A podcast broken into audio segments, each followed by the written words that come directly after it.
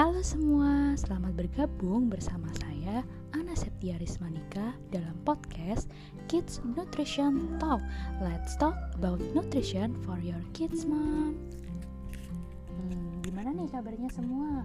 Semoga sehat selalu ya di masa pandemi ini. Always stay safe and stay healthy dan tentunya tetap menerapkan protokol kesehatan di mana pun Anda berada. Oke, tadi kan saya udah memperkenalkan diri nih, tapi kayaknya belum lengkap ya. Jadi saya perkenalkan kembali, nama saya Ana Septia Rismanika. Saat ini saya merupakan mahasiswa program studi profesi dietitian di salah satu universitas negeri di Kota Malang. Tepatnya di Universitas Brawijaya.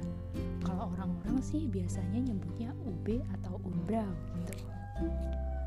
Oke, sesuai dengan tagline di awal tadi ya Let's talk about nutrition for your kids. Jadi di podcast kali ini kita akan bincang-bincang nih dan bahas mengenai gizi pada anak terutama pada anak usia dini.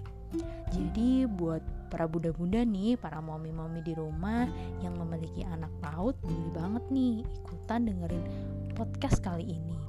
Biar makin tahu dan tentunya makin tambah ilmu mengenai gizi pada anak usia dini. Oke, kalau kita bicara tentang gizi seimbang pada anak, apa sih yang terlintas di benak Anda ketika mendengar gizi seimbang pada anak? Apakah gizi seimbang itu 4 sehat 5 sempurna? Ayo, kalau masih ada yang jawab 4 sehat 5 sempurna, kayaknya perlu diupdate lagi nih mam pengetahuannya. Karena kalau istilahnya zaman now nih, berdasarkan peraturan Menteri Kesehatan nomor 41 tahun 2015, pedoman umum gizi seimbang atau PUGS merupakan panduan pola hidup sehat dengan gizi seimbang yang digunakan saat ini. Jadi udah nggak zaman lagi tuh menggunakan slogan 4 sehat 5 sempurna karena udah direvisi tuh udah diubah menjadi pedoman umum gizi seimbang. Jadi jangan salah-salah lagi ya mam kalau ditanyain apa sih gizi seimbang itu? Gizi seimbang tuh yang gimana? Jadi jangan jawab 4 sehat 5 sempurna lagi. Tapi jawabannya adalah pedoman umum gizi seimbang. Oke jangan lupa dicatat ya. nah lalu apa sih PUGS ini? Uh, yuk kita pastikan uh, bunda-bunda di rumah nih penasaran kan? Oke kita bahas lengkapnya. Konsep gizi seimbang pada PUGS ini atau panduan umum gizi seimbang ini didasarkan pada empat prinsip atau memiliki empat pilar gitu. Yang pertama adalah mengkonsumsi makanan beraneka ragam, yang kedua membiasakan perilaku hidup bersih dan sehat, ketiga yaitu mempertahankan atau memantau berat badan normal dan yang terakhir adalah melakukan aktivitas fisik. Nah, lalu pertanyaannya, kenapa sih kok harus diubah menjadi pedoman umum gizi seimbang gitu ya? Kenapa nggak memakai slogan yang di awal yaitu empat sehat lima sempurna yang notabene kayak lebih familiar gitu ya di otak kita? Nah tentunya semuanya itu ada alasannya nih mom. Alasannya adalah karena ternyata seiring dengan perkembangan ilmu pengetahuan dan teknologi dengan menerapkan empat sehat lima sempurna itu udah nggak udah udah nggak sesuai lagi gitu udah nggak cukup gitu. Karena apa? Ternyata setelah menerapkan 4 sehat 5 sempurna ini masih banyak banget gitu permasalahan gizi yang dialami oleh anak. Seperti ada gagal tumbuh atau yang disebut dengan stunting terus kegemukan dan obesitas lalu ada juga gizi kurang sehingga eh, slogan 4 sehat 5 sempurna ini dirubah atau di lebih diperbarui dan dilengkapi lagi dan diubahlah menjadi istilah si pedoman umum gizi seimbang atau PUGS ini. Nah, pertanyaannya emang apa sih bedanya dengan 4 sehat 5 sempurna? Nah, kalau kita lihat di PUGS atau pedoman umum gizi seimbang ini uh, seperti yang saya jelaskan di empat pilarnya itu kalau kita lihat kan kayak nggak nggak hanya fokus pada makanannya aja. Jadi ada juga tuh anjuran untuk melakukan aktivitas fisik melakukan perilaku pola hidup bersih dan sehat dan juga memantau berat badan. Karena apa? Sebagai contoh aja begini mam.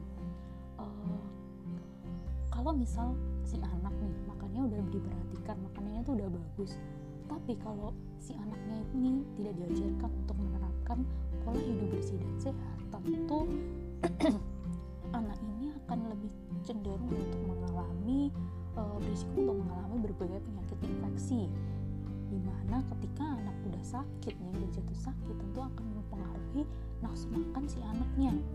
Kalau nafsu makannya menurun tentu juga akan berakibat pada menurunnya berat badan sehingga akan berefek pada status gizinya yang menurun begitu itulah si pasien lima sempurna ini dilengkapi lagi tadi direvisi lagi dan dilengkapi menjadi uh, bentuk si pedoman umum gizi seimbang ini gitu Oke, kita bahas lebih dalam lagi ya mengenai si PUGS atau Pedoman Umum Gizi Seimbang ini. Nah, di PUGS ini dia itu diilustrasikan atau digambarkan pesan-pesannya itu sebagai sebuah tumpeng gizi seimbang. Uh, hal ini sesuai dengan uh, budaya di Indonesia tuh. Kan kalau budaya di Indonesia kan juga ada dikenal dengan tumpeng gitu ya. Makanya uh, ilustrasinya atau penggambarannya itu dipilihlah sebagai uh, tumpeng gizi seimbang ini. Nah pada tumpeng gizi seimbang ini memiliki empat lapis di mana yang uh, secara berurutan dari bawah ke atas itu menunjukkan besaran anjuran konsumsi kelompok makanan tersebut. Pada TGS atau tumpeng gizi seimbang ini pada lapisan paling bawah itu dianjurkan dikonsumsi untuk lebih banyak sedangkan pada lapisan paling puncak atau paling atasnya itu oh, dianjurkan untuk dikonsumsi lebih sedikit gitu. Lalu apa aja sih lapisan per lapisan lapisannya oke kita bahas selanjutnya. Kita mulai dari lapisan paling bawah. Lapisan paling bawah itu adalah uh, zat sumber tenaga atau karbohidrat. Jadi lapisan paling bawah itu terdiri dari uh, zat sumber tenaga tadi atau karbohidrat. Contohnya yaitu ada nasi, roti, mie, jagung, ubi, biskuit. Itu termasuk dalam uh, kelompok uh, makanan sumber karbohidrat begitu. Jadi kalau misalnya ada mami-mami di rumah nih yang mengeluhkan anaknya itu makan nasinya nggak mau banyak terus maunya itu makannya roti gitu misalnya. Ya itu tidak menjadi masalah mom. Karena seperti yang saya bilang tadi zat sumber tenaga atau karbohidrat ini tidak hanya diperoleh dari nasi tapi juga bisa dikonsumsi atau didapatkan dari berbagai contoh bahan makanan lainnya. Seperti yang saya sebutkan tadi ada roti, mie, jagung, ubi jadi nggak apa-apa tuh. Nggak perlu nggak perlu bingung atau nggak perlu khawatir kalau anaknya nggak mau atau makan nasinya itu sedikit karena bisa digantikan dengan berbagai macam bahan makanan lainnya sumber karbohidrat tadi. Oke, kita berlanjut pada lapisan paling di lapisan atasnya. di lapisan atasnya itu ada kelompok sayur dan buah di mana kelompok sayur dan buah ini berfungsi sebagai sumber vitamin dan mineral. Yang kita tahu bahwa sayur dan buah ini dengan kandungan sumber vitamin dan mineral ini dia itu berfungsi sebagai antioksidan atau yang dikenal dengan untuk meningkatkan kekebalan tubuh. Jadi kalau misalnya si anak makan konsumsi sayur dan buah ini dia itu uh, akan uh, meningkatkan si kekebalan tubuh si anaknya gitu. Lalu di lapisan atasnya ada uh, kelompok lauk pauk. Ada dari sumber protein hewani dan juga protein nabati. Contohnya ada susu, telur, tahu, tempe, kacang-kacangan, ayam, daging. Nah, kalau misalnya kita lihat di empat sehat lima sempurna, susu itu kan sebagai pelengkap ya, Mom ya. Tapi kalau di pedoman umum gizi seimbang tuh udah nggak lagi tuh susu sebagai pelengkap, tapi dia itu disetarakan dengan uh, berbagai contoh bahan makanan sumber protein lainnya seperti telur, tahu, tempe, kacang-kacangan dan lainnya sehingga kalau misalnya uh, anak-anak mau nih di rumah nggak mau makan nggak mau minum susu gitu ya. Nah itu nggak apa-apa banget digantikan dengan uh, kelompok bahan makanan sumber protein lainnya yang saya sebutkan tadi contoh-contohnya. Oke kita lanjut ke lapisan yang paling atas. Lapisan yang paling atas itu seperti yang saya sebutkan uh, lapisan paling atas itu adalah uh, yang dianjurkan untuk dikonsumsi lebih sedikit atau dibatasi gitu ya mam nah lapisan paling atas ini apa? Lapisan paling atas ini adalah gula garam dan minyak. Kenapa ini harus dibatasi? Karena seperti yang kita tahu dari beberapa kajian mungkin ya mom kalau misalnya si gula garam dan minyak ini dikonsumsi secara berlebih tentu akan meningkatkan risiko uh, munculnya atau risiko terjadinya penyakit penyakit lainnya misalnya kayak diabetes mellitus hipertensi penyakit jantung dan lain sebagainya. Oleh karena itulah pada pedoman gizi seimbang ini gula garam dan minyak ini dicantumkan untuk dibatasi gitu. Oke kita udah bahas nih mengenai perbedaan 4 sehat 5 sempurna kenapa kok bisa diubah menjadi pedoman pedoman umum gizi seimbang dan apa sih itu pedoman umum gizi seimbang beserta ilustrasinya gitu ya. Kita udah bahas semuanya nih. Lalu pastikan pertanyaan terakhir yang muncul adalah kira-kira emang apa sih manfaatnya menerapkan gizi seimbang dengan pedoman gizi seimbang ini pada anak gitu? Emang urgensinya apa gitu? Apakah sepenting itu gitu? Oke lalu kita bahas selanjutnya nih mengenai manfaat-manfaat yang bisa kita dapatkan ketika kita menerapkan si gizi seimbang berdasarkan pedoman gizi seimbang ini yang pertama yaitu menjaga kesehatan dan meningkatkan kekebalan tubuh anak. Nah, ternyata nih mom dari beberapa penelitian itu ada yang menyebutkan bahwa ketika anak mengalami gizi kurang atau underweight yaitu e, lebih berisiko lebih berisiko untuk mengalami e, status lebih berisiko untuk mengalami infeksi saluran pernafasan daripada pada anak yang memiliki status gizi normal. Nah, hal ini dikaitkan karena pada uh, anak dengan gizi kurang itu dia itu uh, mengalami kekurangan gizi dalam jangka waktu yang lama sehingga akan berakibat pada menurunnya sistem kekebalan tubuh gitu. Oleh karena itu, uh, pemenuhan asupan makan yang seimbang atau sesuai dengan kebutuhannya si kecil ini dapat membantu sel-sel imunitas dan bekerja secara maksimal dalam melawan penyakit.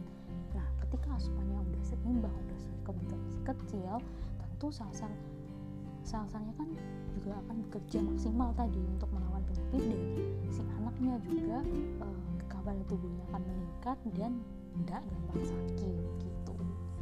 Kemudian manfaat yang kedua yaitu asupan makan dengan gizi seimbang dapat memberikan energi yang cukup untuk anak dalam beraktivitas. Nah, kalau kita pantau nih maka kita lihat uh, anak usia dini itu kan cenderung kayak lebih aktif kayak lagi aktif-aktifnya gitu ya mama untuk main ke sana ke sini, main dengan teman sebayanya. Si aktivitasnya itu tadi tentu juga memerlukan asupan makan yang optimal yang seimbang sesuai dengan kebutuhannya. Makanya dengan menerapkan prinsip gizi seimbang ini dapat memberikan sumbangan energi untuk menunjang anak agar lebih aktif dalam beraktivitas gitu. Kemudian yang selanjutnya, manfaatnya yaitu mencapai status gizi normal pada anak. Tentu sudah jelas ya, Mam, ketika si anak dalam kesehariannya sudah diterapkan e, prinsip gizi seimbang dalam konsumsi makanan sehari-hari, tentu berbagai zat gizi yang diperlukan oleh tubuh si anak seperti energi, protein, karbohidrat, lemak, vitamin dan mineral akan sesuai nih dengan kebutuhan tubuh. Sehingga ketika sudah sesuai maka uh, anak akan uh, dapat tumbuh dan berkembang dan mencapai Kemudian manfaatnya selanjutnya yaitu mencegah risiko terjadinya penyakit degeneratif di masa mendatang. Oke, kalau ini dikaitkan dengan begini. Kalau misal asupan makan si anak itu berlebih dan seimbang, artinya berlebih dari kebutuhannya. Terus si anak ini juga e, kurang gitu melakukan aktivitas fisik. Nah, hal ini tentu akan memicu yang namanya terjadi kegemukan atau dan juga obesitas. Nah, seperti yang kita tahu, ketika seseorang mengalami overweight dan obesitas pada anak usia dini di masa mendatang ini dia itu akan beresiko jauh lebih beresiko lagi mengalami penyakit risiko penyakit degeneratif seperti penyakit jantung, hipertensi, stroke, diabetes mellitus. Oleh karena itulah perlu banget nih diperhatikan sekali agar makanannya itu seimbang sesuai dengan prinsip gizi seimbang tadi. Sehingga tidak terjadi tuh ter resiko-resiko penyakit degeneratif yang saya sebutkan tadi gitu nah kemudian yang manfaat yang terakhir yaitu mengoptimalkan masa pertumbuhan dan perkembangan anak sejak usia dini.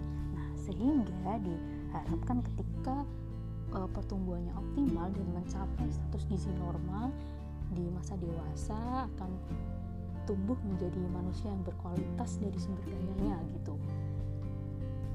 Karena uh, seperti yang kita tahu kalau misalnya anak usia dini itu kan bisa dibilang adalah golden age gitu ya mau kayak masa keemasan pertumbuhan anak. Apa yang diasup oleh anak sekarang saat ini tentu akan berpengaruh terhadap uh, bagaimana status gizinya. Nah, kalau misalnya seperti yang saya contohkan, kalau misalnya status gizinya overweight, nanti ke depannya akan berisiko mengalami penyakit degeneratif. Oleh karena itulah sangat penting sekali yang mam diperhatikan asupan makan si kecil apakah sudah sesuai dengan prinsip gizi seimbang atau belum karena apa yang dipetik sekarang atau yang dikonsumsi sekarang itu akan berpengaruh terhadap bagaimana di masa mendatangnya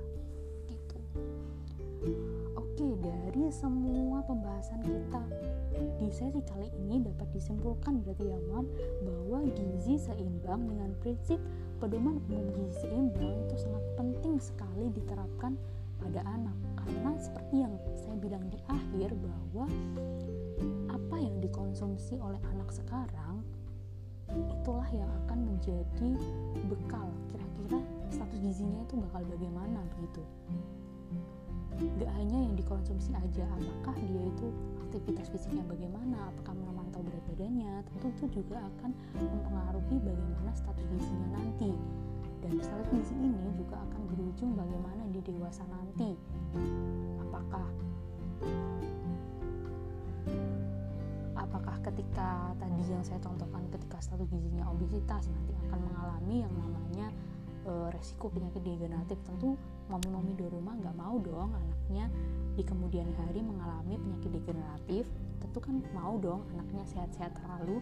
Oleh karena itulah kalau mau anaknya tetap sehat jangan lupa untuk menerapkan prinsip gizi seimbang sesuai dengan pedoman umum gizi seimbang. Oke, kayaknya udah cukup panjang banget nih yang kita bahas di sesi kali ini dari mulai pedoman umum gizi seimbang itu apa empat sehat lima sempurna diubah menjadi pedoman umum gizi seimbang terus manfaatnya dan lain sebagainya. Nah saya harap sih semoga apa yang kita bahas kali ini bisa bermanfaat ya mom untuk mau diterapkan pada anak-anak di rumah gitu. Dan juga semoga bermanfaat buat pendengar setiap podcast Kids Nutrition Talk Oke, kita tutup aja ya karena udah banyak banget nih tadi penjelasannya. Sampai jumpa lagi di podcast selanjutnya dengan bahasan yang lebih menarik tentunya. Thank you for listening my podcast and see you. Bye bye.